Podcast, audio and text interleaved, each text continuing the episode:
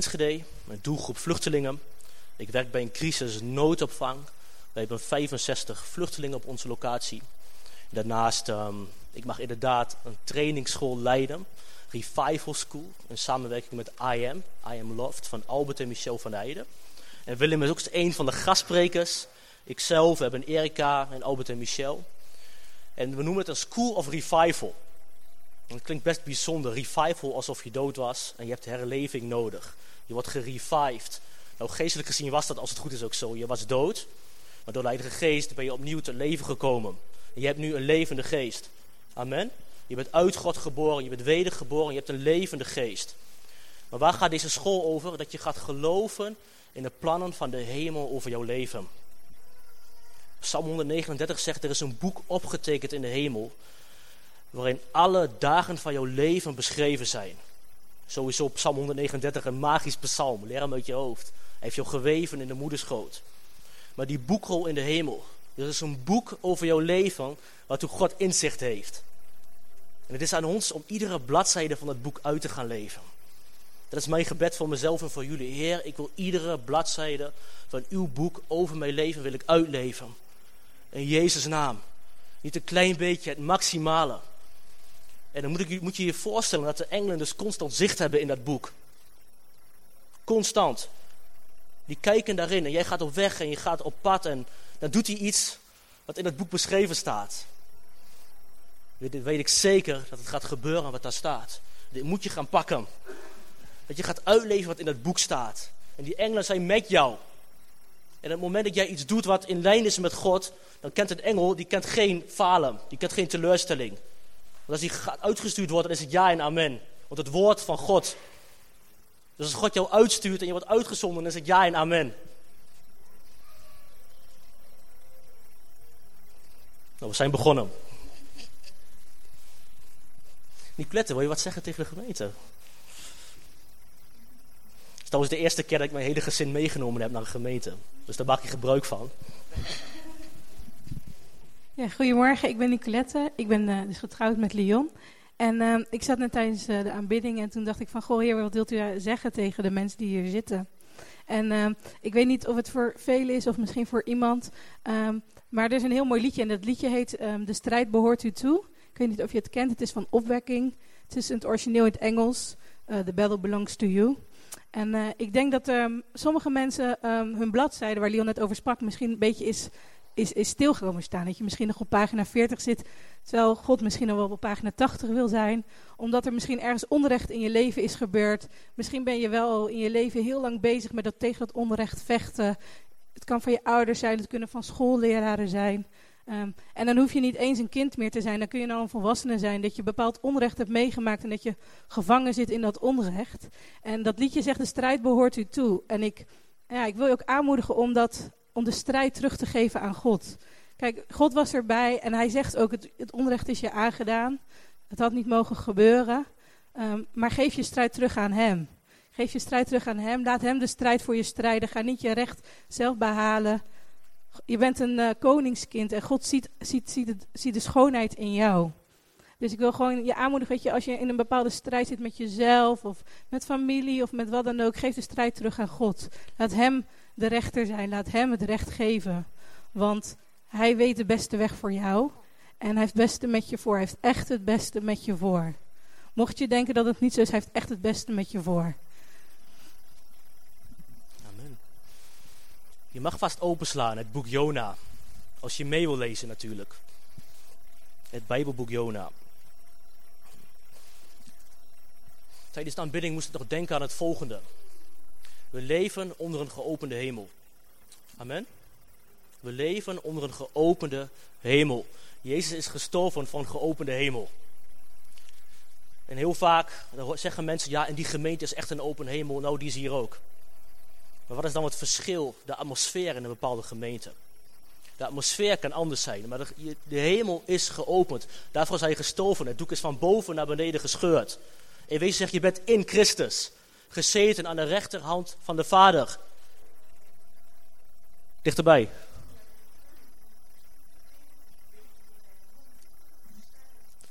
Je bent in Christus. Je zit gezeten aan de rechterhand van de Vader. Je leeft onder een geopende hemel. Iedereen. Ik ook. Jij ook. Op het moment dat jij uitgaat, dan gaat Jezus gaat met jou mee. En ik heb gehoord, Zutphen is een lichtstad. Deze gemeente is geroepen om het licht te brengen in Zutphen, in deze wereld. Jij bent geroepen om het licht te brengen. En dat doe je vanuit je positie in Christus. Dus jij hebt een geopende hemel. En dan kom je in een atmosfeer die duisternis is, die donker is. En dan neem jij de zalving van God, de Heilige Geest, de engelen, Jezus neem je met jou mee. Op het moment dat jij een deur binnenkomt, dan is Jezus daar. Hij zegt, ik ben de deur. Je komt de deur binnen en het licht komt automatisch met jou mee. Dan moet je gaan geloven dit. En waar jij komt, daar is geen duisternis. Iedereen leeft onder een geopende hemel. Dan ga proeven welke atmosfeer is er. Waar hebben we tegen te strijden? Want we strijden niet tegen mensen van vlees en bloed, maar overheden, machten en krachten die niet van deze wereld zijn. Onderscheid de atmosfeer als je binnenkomt, ook in gemeentes. Wat heeft deze gemeente nodig? Welke zalving is hier? Waar is deze gemeente voor geroepen? Jullie zijn deel van dit lichaam, van deze plaatselijke gemeente. Jullie zijn allemaal geroepen om het licht te brengen. Allemaal. Allemaal. Dat zegt iets over jouw bestemming. En ik geloof dat je. Hmm, dat als je naar een gemeente gaat, dat je vaak iets moet leren. Voor jouw roeping, waartoe God jou geroepen heeft. Dus als je, aangesloten bent bij deze gemeente, dan moet je denk ik gaan pakken: ik ben het licht in deze wereld. Johannes spreekt daarover. Het licht, Jezus is gekomen en je bent gezeten in hem.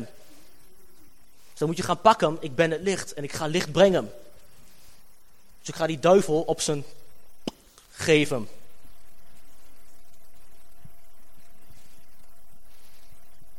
Zacharia 2 zegt, ik zelf zal een muur van vuur zijn rondom mijn volk. Dat zegt God over jou.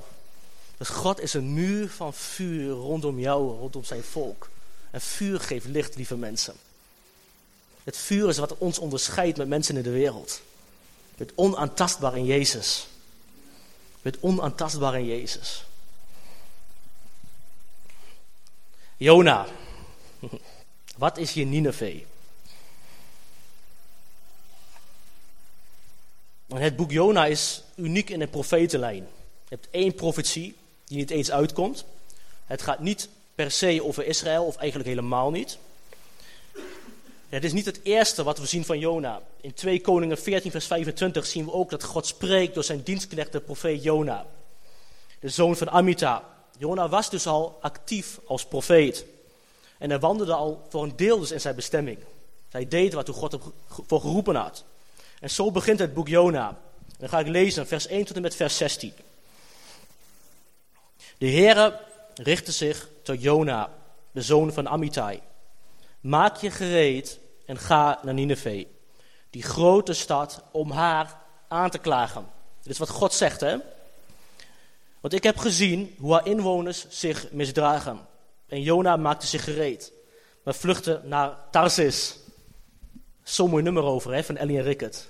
Jona, Jona, ga naar Nineveh. Ik wil niet. Hij vluchtte naar Tarsis. Aan de andere kant, vermoedelijk ergens in Spanje. Nineveh was naar het noordoosten, ergens bij, ik dacht, uh, ja, Syrië, Iran, uit mijn hoofd. Een aantal dagen lopen, maar hij vluchtte totaal de andere kant op. Weg van hetgene wat God hem voor geroepen had. Hij ging naar Javo en vond er een schip met bestemming naar Tarsis. Hij betaalde de overtocht en ging aan boord om mee te varen naar Tarsis, weg van de Here. Ook interessant. Weg van hetgene wat God hem geroepen had. Je kunt niet weg van de Here. Maar de Here wierp een hevige storm op zee. En de zee werd zo wild dat het schip dreigde te breken. De zeelieden werden bang. En ieder riep tot zijn eigen God om hulp. Afgedaald ook gooiden ze om, om, gevaar af te wenden de lading in zee. Maar Jona was in het ruim van het schip afgedaald. Hij was daar in diepe slaap gevallen. De schippers gingen naar hem toe en zei tegen hem: Wat lig jij hier te slapen? Sta op, roep jouw God aan. Misschien dat hij zich om ons bekommert, zodat we niet vergaan. Intussen overlegden de zeelieden. Laten wij het lot werpen om te weten wie schuld het is dat deze ramp ons treft. Ze wierpen het lot en het lot viel op Jona.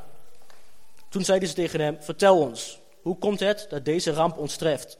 Wat doe je hier aan boord? Waar kom je vandaan? Uit welk land kom je? Bij welk volk hoor je?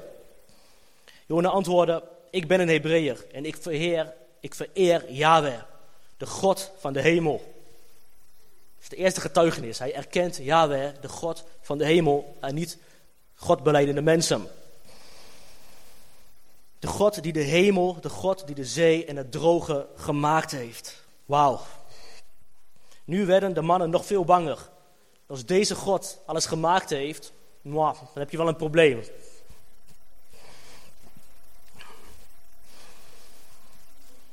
Want ze hadden hem van gehoord dat hij was weggevlucht van de Heer. Ze zeiden tegen hem, hoe heb je dat kunnen doen? Hoe kun jij wegvluchten van deze God? En ze vroegen hem, wat moeten wij doen dat de zee ons met rust laat? Want de zee werd hoe langer, hoe omstuiniger.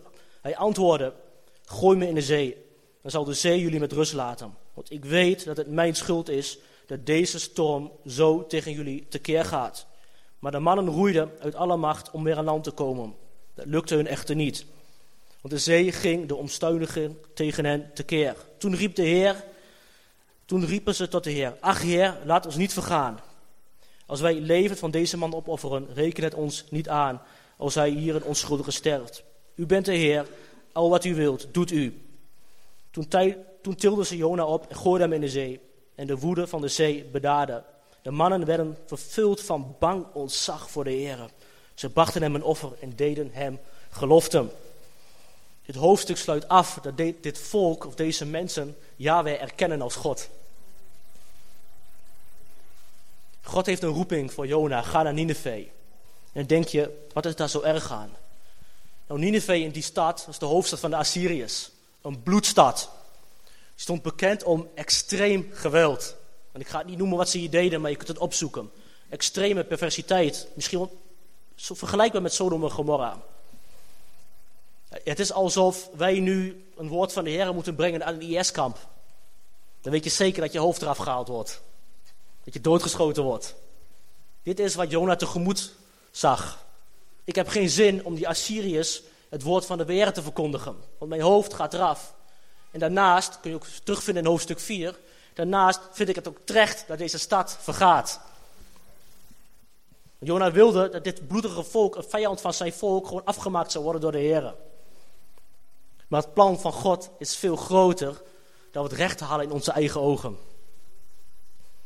Jona wilde recht. Hij vond het wel terecht dat de Heere God dit volk even af zou maken. Dat is ook vergelijkbaar met de discipelen bij Jezus. Kunt u niet vuur uit de hemel laten vallen en af, afwerken met het volk?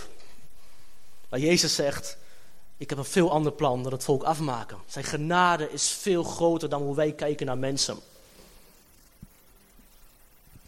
Wij zoeken naar recht. Maar het plan van God is anders.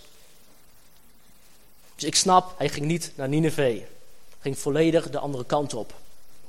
En hij ontmoet daar God. En dat is het eerste moment dat hij zich bekeert, dat hij God gaat erkennen. En dan kennen we het verhaal. Er komt een gigantische walvis. Of ja, dat staat er niet. Er staat een vis. Ik heb geen flauw idee hoe dat eruit heeft gezien, hoe dat was. Maar ik geloof het woord van God. En dan kun je over theologiseren. Wat was dat dan voor vis? Moet je een keer opzoeken hoeveel studies daarop staan op het internet. Echt seminars van uren achter elkaar over wat gebeurt daar, hoe ziet die vis eruit enzovoort. Met plaatjes erbij, ja het kon mogelijk deze vis zijn. Maar het gaat helemaal niet om die vis. Het gaat erom dat Jona ongehoorzaam was aan God. En dan hoor je mensen, als ik straks in de hemel ben, ja, dan ga ik aan Jona vragen hoe dat was. Nou, ik weet zeker dat Jonas zegt, het ging niet om die vis, het ging om mijn ongehoorzaamheid aan God. Ik was ongehoorzaam aan de stem, aan de roep van God. Wees niet gefocust op die vis. Maar in die vis, dan kun je lezen, Jona 2 en 3, gaat hij psalmen uitbidden naar de Heer. En hij bidt het de Heere God toe, psalmen die hij kende. En de vis spuwt hem uit op het droge. Hij voer naar Tarsis, volledig de andere kant op naar het westen van hetgene waar hij naartoe moest. En tussen um, Tarsis en Nineveh heb je dan nog de haven van Cyprus. Dus het zou kunnen zijn dat hij uitgespoegd werd op Cyprus. Maar dat geloof ik niet. Hij werd aan land gespuugd en hij liep vanaf daar naar Nineveh toe. Dus hij voer weg van zijn bestemming. Hij komt vervolgens in de vis. En de vis spuugt hem uit daar waar hij begonnen was. En dit is interessant. Je kunt weglopen van de Heer, maar hij brengt je op het pad daar waar jij begonnen bent. Want hij wil dat je gaat leren wat God je wil leren. Hij wil dat je de juiste les gaat leren. Als ik jou roep, dan ga je. Punt. En ja, een bloed staat, maar ik ben met jou. Het is pure intimidatie uit het kamp van de duivel. Bang voor, voor, de, voor de roep van God. Maar Jona moest leren, mijn God is met mij. Mijn God is met mij. Als God jou ergens voor roept, dan komt daar intimidatie. Ik ben niet goed genoeg. Ik ben niet groot genoeg. Wat zullen deze mensen van mij denken? Kijk naar hem, kijk naar haar, hij is zoveel beter. Het zijn altijd de leugens van de duivel die hij op je afgooit. Maar wat ga jij doen? Je hebt een woord van de Heer. Dus je gaat op weg. En je zegt, duivel, wees stil. Mijn God, Yahweh, die de hemel en aarde gemaakt heeft, die is met mij.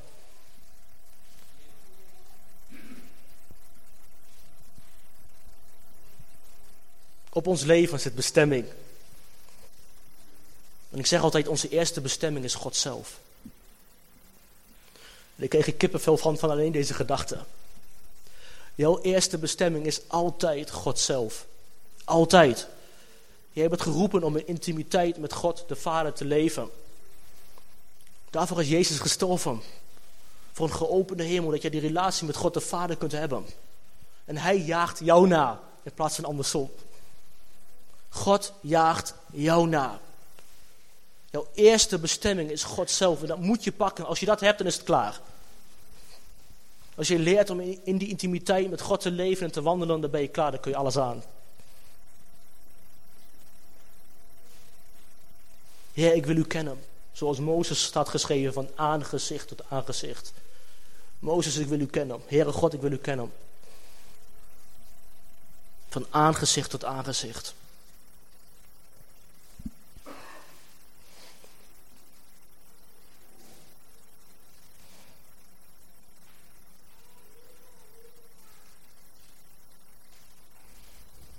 Eerste bestemming is God zelf. En roept jou voor een taak die veel groter is dan jij. Het gaat niet om Jona. Dit boek gaat over het feit dat God een volk wil redden doorheen zijn dienknecht Jona. God ziet altijd het hele geheel, het overkoepelende. Wij kijken naar onszelf, wat kunnen wij brengen, wat kunnen wij doen. Maar God ziet A tot Z. Hij kijkt veel verder dan wij kunnen kijken. En hij wil ons gebruiken. Met andere woorden, willen wij deel zijn in het plan van God. Ook al kunnen wij niet het grote plaatje overzien. Ook al stuurt God ons met een opdracht waarvan wij zelf denken, dit is onrecht. Maar zijn wij bereid om ons toe te vertrouwen naar de Heer onze God?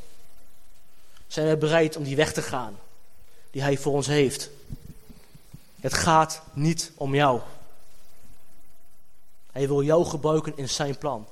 Dus wij zijn deel van zijn plan in plaats van dat God deel is van ons, met ons. Dat is interessant hè.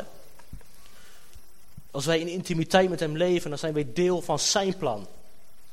We kunnen zeggen, Heer, zegen onze plannen, maar ik wil het plan van hem uitvoeren. Niet mijn plan, maar uw plan, Heer. Niet mijn boek, maar uw boek. Ik wil datgene doen wat u over mij zegt en schrijft. is een zijspoor, Johannes 14, uit mijn hoofd. Er staat, dat gaat over de wijnstok en de ranken. Als je in mij blijft, zegt Jezus. Als je in mij blijft. Vraag wat je maar wilt vragen en ik zal het je geven.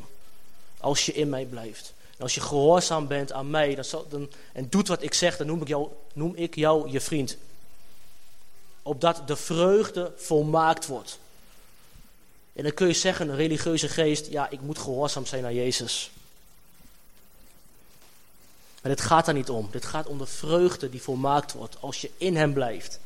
En ik wil gehoorzaam zijn aan mijn generaal Jezus. Ik wil gehoorzaam zijn aan mijn commandant. Want ik weet dat wat hij beschreven heeft over mij het allerbeste is. Dus Heer, ik wil in u zijn. Ik wil deel zijn van wie u bent. En dan mag ik vragen wat ik maar wil en ik zal het ontvangen. Dat zegt de Bijbel. Maar vanuit die positie gehoorzaam zijn aan Hem en doen wat Hij zegt. En dan zal je vreugde volmaakt zijn. Dat is eigenlijk ook wat Jonas zegt, want hij deed niet wat Jezus tegen hem zei, wat God tegen hem zei. Hij ging de andere kant op.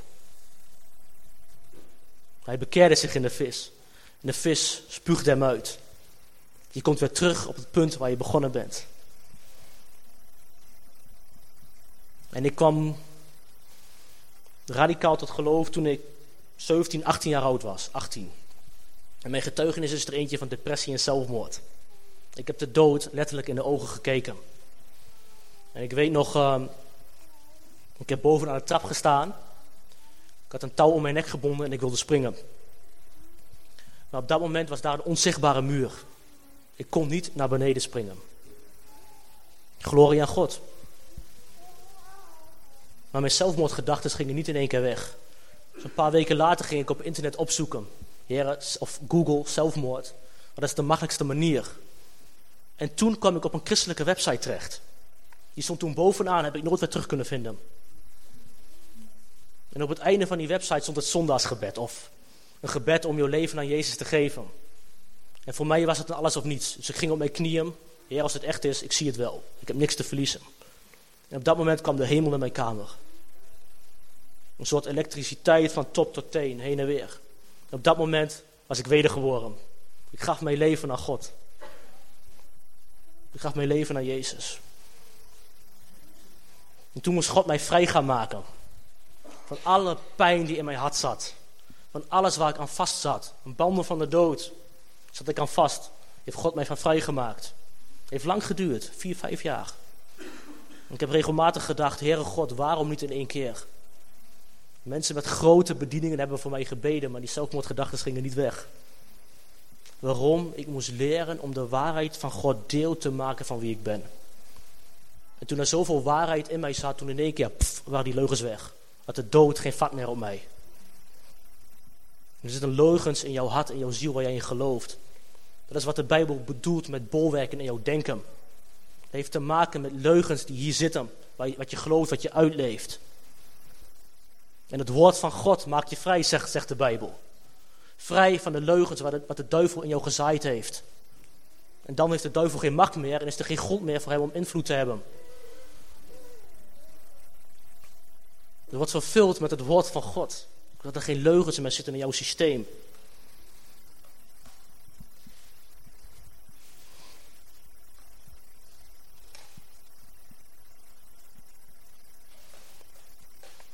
En na mijn wedergeboorte, na mijn bekering, toen ging ik in defensie.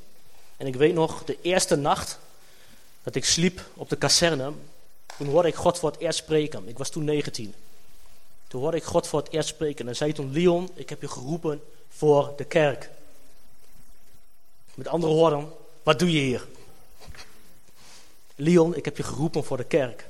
En tegelijkertijd ontstonden toen de dromen in mijn hart om kerken te stichten en kerken op te bouwen. Ik kreeg een stukje bestemming van de hemel, kreeg ik hier, diep van binnen. Het heeft vier jaar geduurd voordat ik daadwerkelijk gehoor gaf aan die stem van God. Dus ik was als Jona. Ik liep weg van mijn roeping. Pas daarna ben ik een bijbelschool gaan doen, theologie gaan studeren. En doe ik een deel van wat God mij verroept, leef ik nu uit. Dat is een lange weg geweest. Ik liep weg van mijn bestemming, mijn Nineveh. God riep mij om kerken te stichten, kerken op te bouwen zijn lichaam te stichten, op te bouwen. Maar ik was bezig met defensie. Ik dacht carrière maken, leuk, stoer.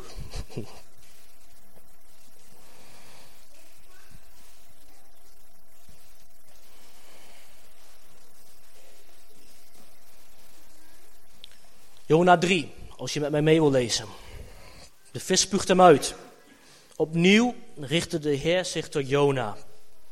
Maak je gereed en ga naar Nineveh, de grote stad, om haar aan te klagen.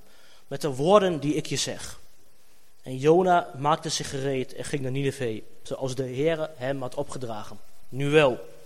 En Nineveh was een reusachtige stad, ter grootte van drie dagen. Jona trok de stad in, één dagreis ver en riep: Nog veertig dagen, dan wordt Nineveh weggevaagd. Dat is interessant, hè? want God zegt nergens dat hij dit moest zeggen. Nog veertig dagen, dan wordt de stad weggevaagd. De inwoners van Nineveh geloofden God, niet Jona. Dus als jij het woord brengt van God, dan geloven ze God en niet jou.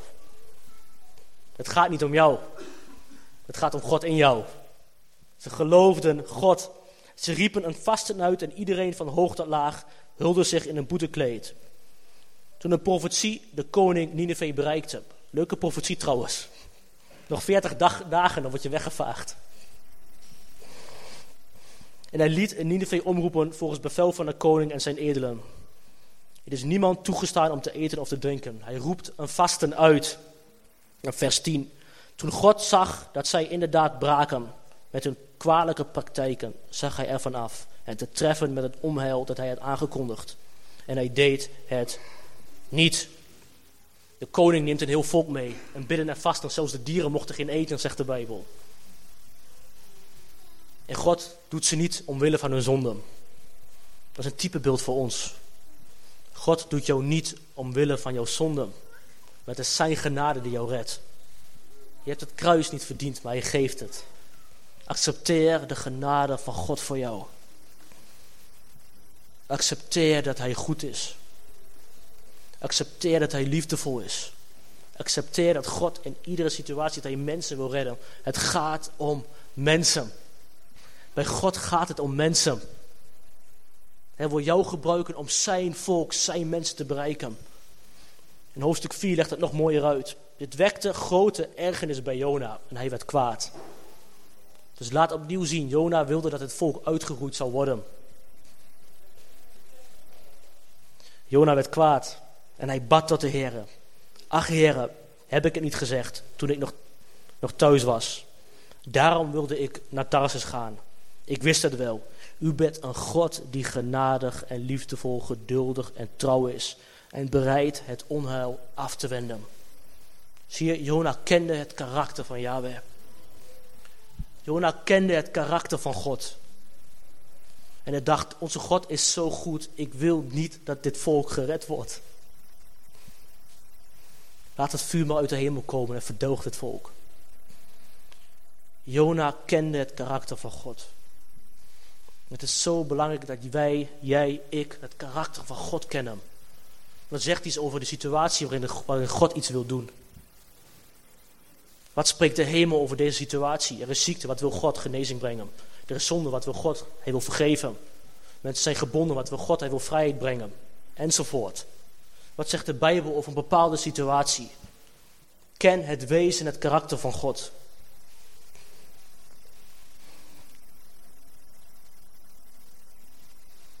En dan gaat hoofdstuk 4 verder. Ik zal niet alles lezen. Maar dan zie je dat Jona geërgerd kijkt. Onder een boom. Die, die God tenslotte heeft opgewekt. Vervolgens komt er een worm en die eet die boom op. Dan is Jona weer kwaad. Dan zegt hij, ben ik niet degene die deze boom opgericht heeft? En hij gaat verder, ben ik niet diegene die deze mensen, dit, mijn volk is die dit volk gemaakt heeft? Ik geef zoveel om mensen en jij maakt je druk over die boom en die worm. Van A tot Z is God soeverein in dit hele boek. De storm op zee, God is soeverein. Hij laat hem opkomen, hij doet hem zwijgen. God kan stormen in jouw leven op doen laten komen en doen zwijgen.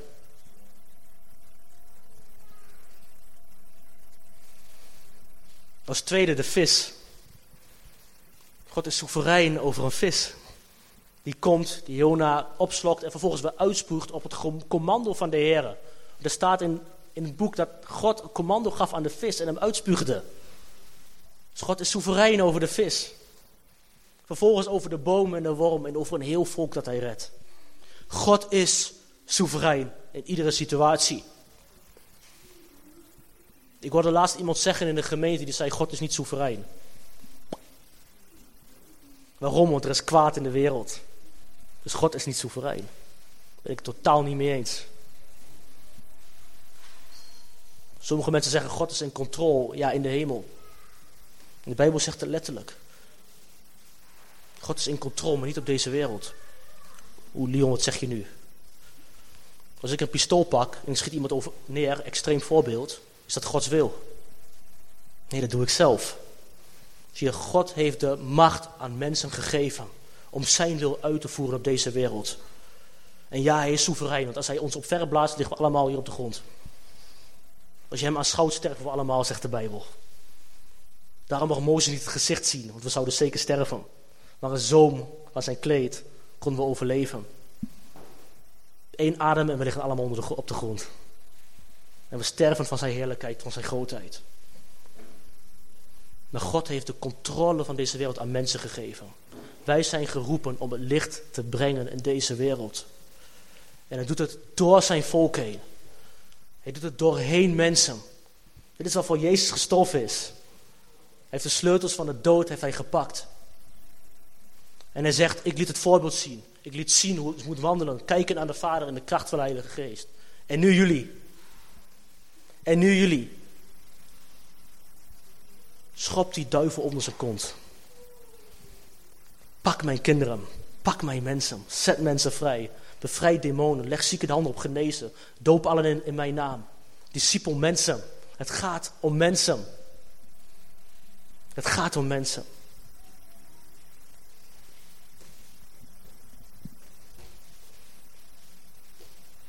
Wat is jouw Nineveh? Wat is jouw bestemming waarvoor jij wegloopt?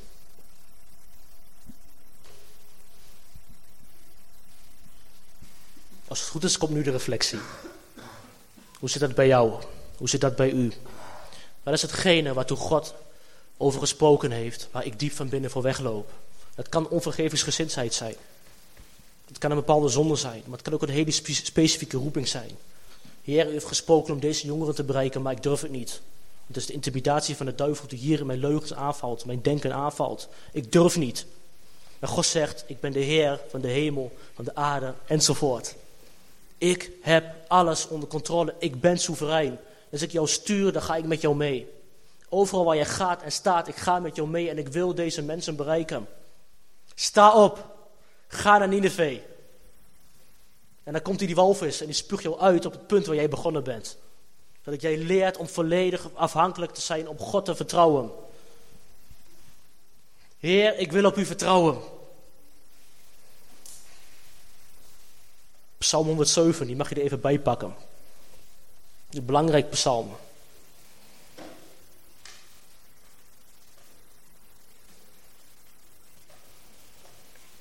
Oh, excuus, Psalm 103, vers 7. Hij maakte aan Mozes zijn wegen bekend en aan het volk van Israël zijn grootste daden. Nog een keer, hij maakte aan Mozes zijn wegen bekend. Het is een hele studie op zich, maar wat staat daar in het kort? Als je het woordje wegen opzoekt bij Mozes, dan staat daar de diepe visie, het ideeën, de plannen van hetgene wat God wil met zijn volk. Mozes kende de diepte van het hart van God. Hij wist wat God wil. Het volk was toeschouwer van zijn daden. Zij zagen alleen maar wat God aan het doen was, maar waren geen deel van de plannen van God.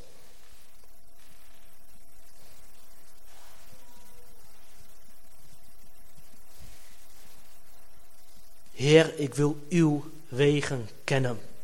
Ik wil deel zijn van uw plannen met de aarde, met mij, met het volk. Ik wil geen toeschouwer zijn van wat u doet. Ik wil deel zijn van wie u bent. Heer, openbaar mij uw wegen. Laat mij geen toeschouwer zijn, Heer. Ik wil het niet zien. Ik wil deel zijn van hetgene wat u aan het doen bent.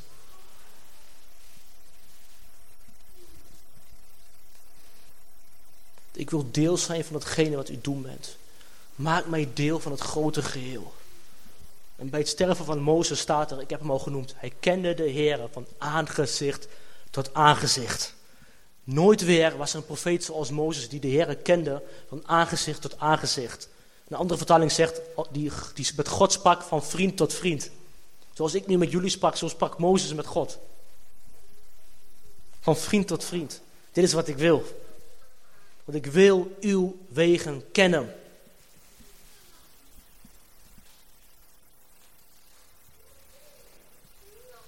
Ik wil uw wegen kennen.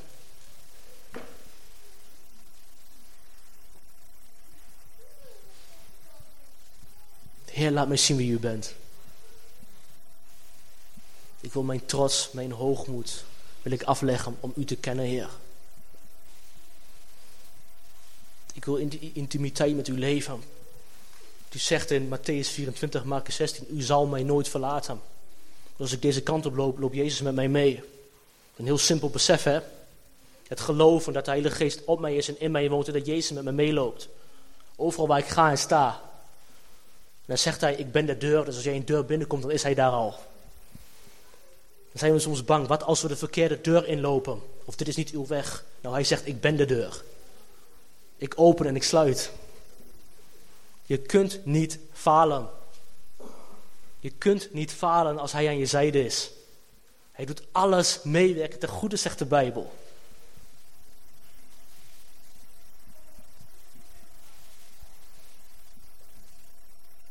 Welke deur moet ik in, Heere God?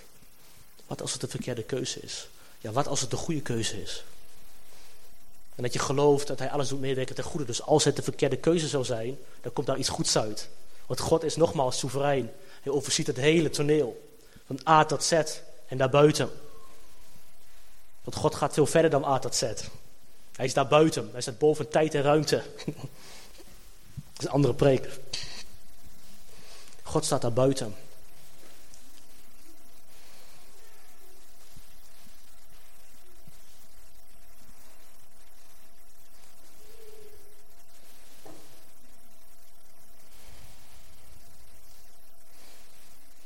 Als jullie in mij blijven, Johannes 14. Ik, ben, ik, ik heb daar ook mee geopend. Als jullie in mij blijven en mijn woorden in jullie, kun je vragen wat je wilt en het zal gebeuren. Zodat de grootheid van mijn vader zichtbaar wordt wanneer jullie veel vruchten voortbrengen en mijn leerlingen zijn. Ik heb jullie lief gehad, zoals de vader mij heeft lief gehad. Blijf in mijn liefde. Je blijft in mijn liefde als je doet wat ik zeg, als je aan mijn geboden houdt. Ga naar Nineveh, doe je wat hij zegt. Zoals ik me ook aan de geboden van mijn vader gehouden heb en in zijn liefde blijf. Dit zeg ik tegen jullie, om je mijn vreugde en blijdschap te geven. Dan zal je vreugde volkomen zijn. Zo'n diepe les. In hem zijn, in hem geankerd zijn. Doen wat hij zegt. En dan kun je vragen wat je maar wil. Opdat de vreugde, het gaat absoluut om vreugde. Omdat de vreugde in jou volkomen zal zijn. Als je luistert naar jouw generaal, naar jouw commandant Jezus, dan ben je vreugdevol. Wat zijn de gebieden waar je geen vreugde ervaart? Zou het kunnen zijn dat je niet in lijn met God doet? Vraagteken. Dat is een reflectie. Kennen we daadwerkelijk zijn karakter over ons leven? Kennen we zijn zijn? Kennen we zijn wezen? Zijn we bewust van het woord van God in ons? Zoals Jona de psalmen uitbaat, kunnen wij deze psalmen oproepen als we het nodig hebben. Want Jona had niet een Bijbel zoals wij die nu hebben. Tegenwoordig hebben we een telefoon, we hebben altijd de Bijbel mee. Maar Jona kende het woord van God. En in zijn nood, in zijn benauwdheid in de vis, bad hij het uit tot God. Dus je moet het woord van God paraat hebben in jou. In iedere situatie. Dan komt die aanval van de duivel komt op, jouw, op jouw denken af. Je bent niet mooi, je bent niet kostbaar. Psalm 139, ik heb je wonder schoon gemaakt, geweven in de buik van je moeder. Ik ben alleen, Jezus zegt, ik zal je nooit verlaten. Enzovoort. Enzovoort. Zullen we gaan staan?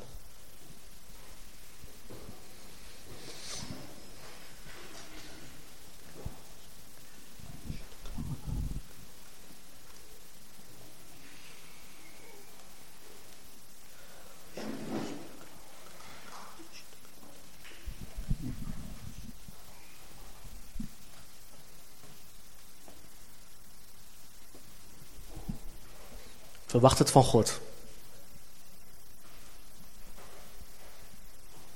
Verwacht het van God. Wat is jouw Nineveh? Wat is hetgene waarvoor je weggerend bent? Waartoe God nu zegt, ga terug. Ga doen waar ik over gesproken heb. Als God je roept voor een bediening, ga nu geloof pakken. Ga het doen, datgene wat de God over gesproken heeft. Als de onvergevensgezindheid is in jouw hart, ga naar God toe. Heer, ik wil vergeven en ik kies ervoor. En de relaties die je moet herstellen. Ga doen waarvoor God gesproken heeft.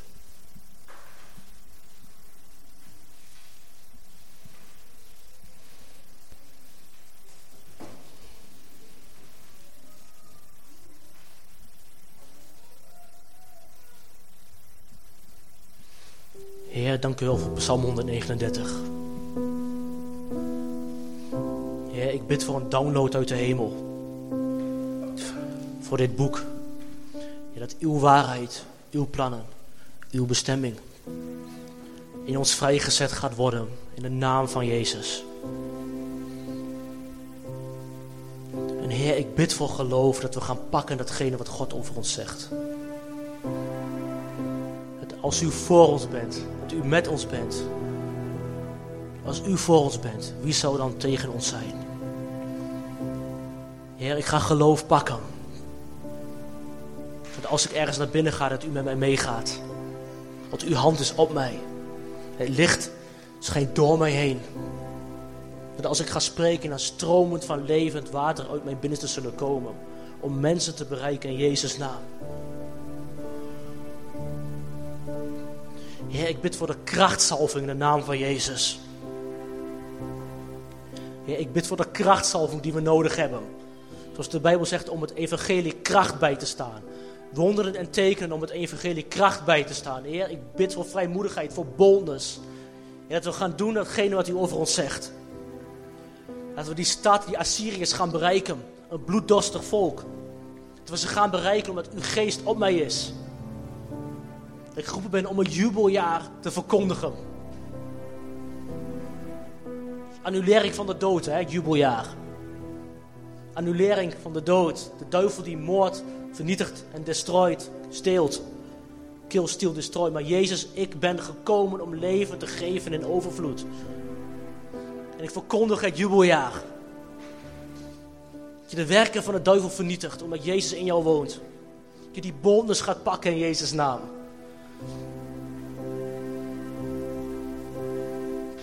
En Heer, ik bid, de Heer, dat op Psalm 107. Ik wil deel zijn van uw wegen. Heer, dat uw volk deel is van uw wegen. Dat we geen toeschouwers zijn van uw daden, Heer. Dat we uw diepe wegen gaan kennen en erkennen in Jezus' naam. En ons, ons gebed mag zijn zoals Mozes. U te kennen. Van aangezicht tot aangezicht.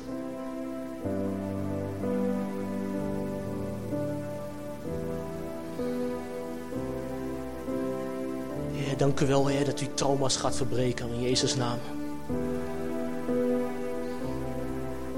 Dank u wel dat u pijn gaat genezen in Jezus' naam, Heer. Heer, daar waar muren opgebouwd zijn rondom ons hart, rondom onze gevoelens. Heer, dan bid ik nu, Heer, dat u dat er doorheen gaat breken op dit moment in de naam van Jezus.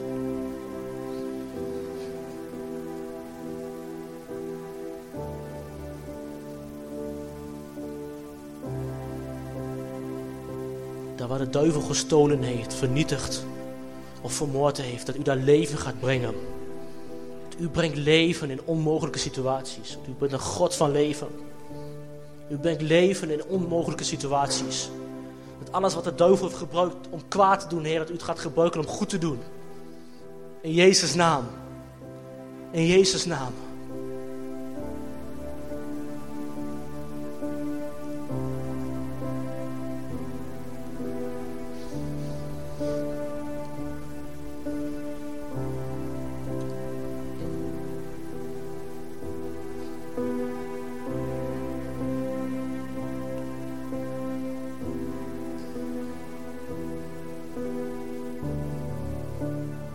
Heel sterk aan denken. In Nederland hebben we vaak geen probleem met geven. Dat zeggen vaak, ja, mensen geven hun tiende niet en alles. Geld, maar ook in andere omstandigheden. Maar God zegt, als mijn volk leert te ontvangen. We hebben geen problemen met geven. Als we leren te ontvangen, dan kunnen we maximaal geven. Leer ontvangen van zijn hand. Niet alleen geld, maar alles. Alles, leven, zijn geest, zijn kracht, zijn waarheid enzovoort. Maar ook geld. Als je leert ontvangen kun je geven, want dan weet je dat hij een God is die altijd voorziet. Die altijd genoeg geeft. Die altijd genoeg heeft, ook voor jou. Ook voor jou. Hij wil niet dat je in armoede leeft. Dat is het werk van de duivel. Hij wil niet dat je geestelijk dood bent, dat je ziek bent enzovoort. Dat is het werk van de duivel. Hij is een God van overvloed. Hij is hier en mijn voorziener in alles. Niet alleen financieel, in alles. Daarvoor is Jezus gestorven. Om in overvloed te leven met Hem. En ik heb het niet over materiële welvaartsvoorziening, welvaartsevangelie. Dat is totaal iets anders. Dat je alles doet waarvoor God jou geroepen heeft. In zijn roeping, in zijn stem, daar zit alles in. Heer, leer ons ontvangen. Dat we maximaal kunnen geven vanuit uw handen. En u geeft het door onze handen heen. In Jezus' naam. In Jezus' naam.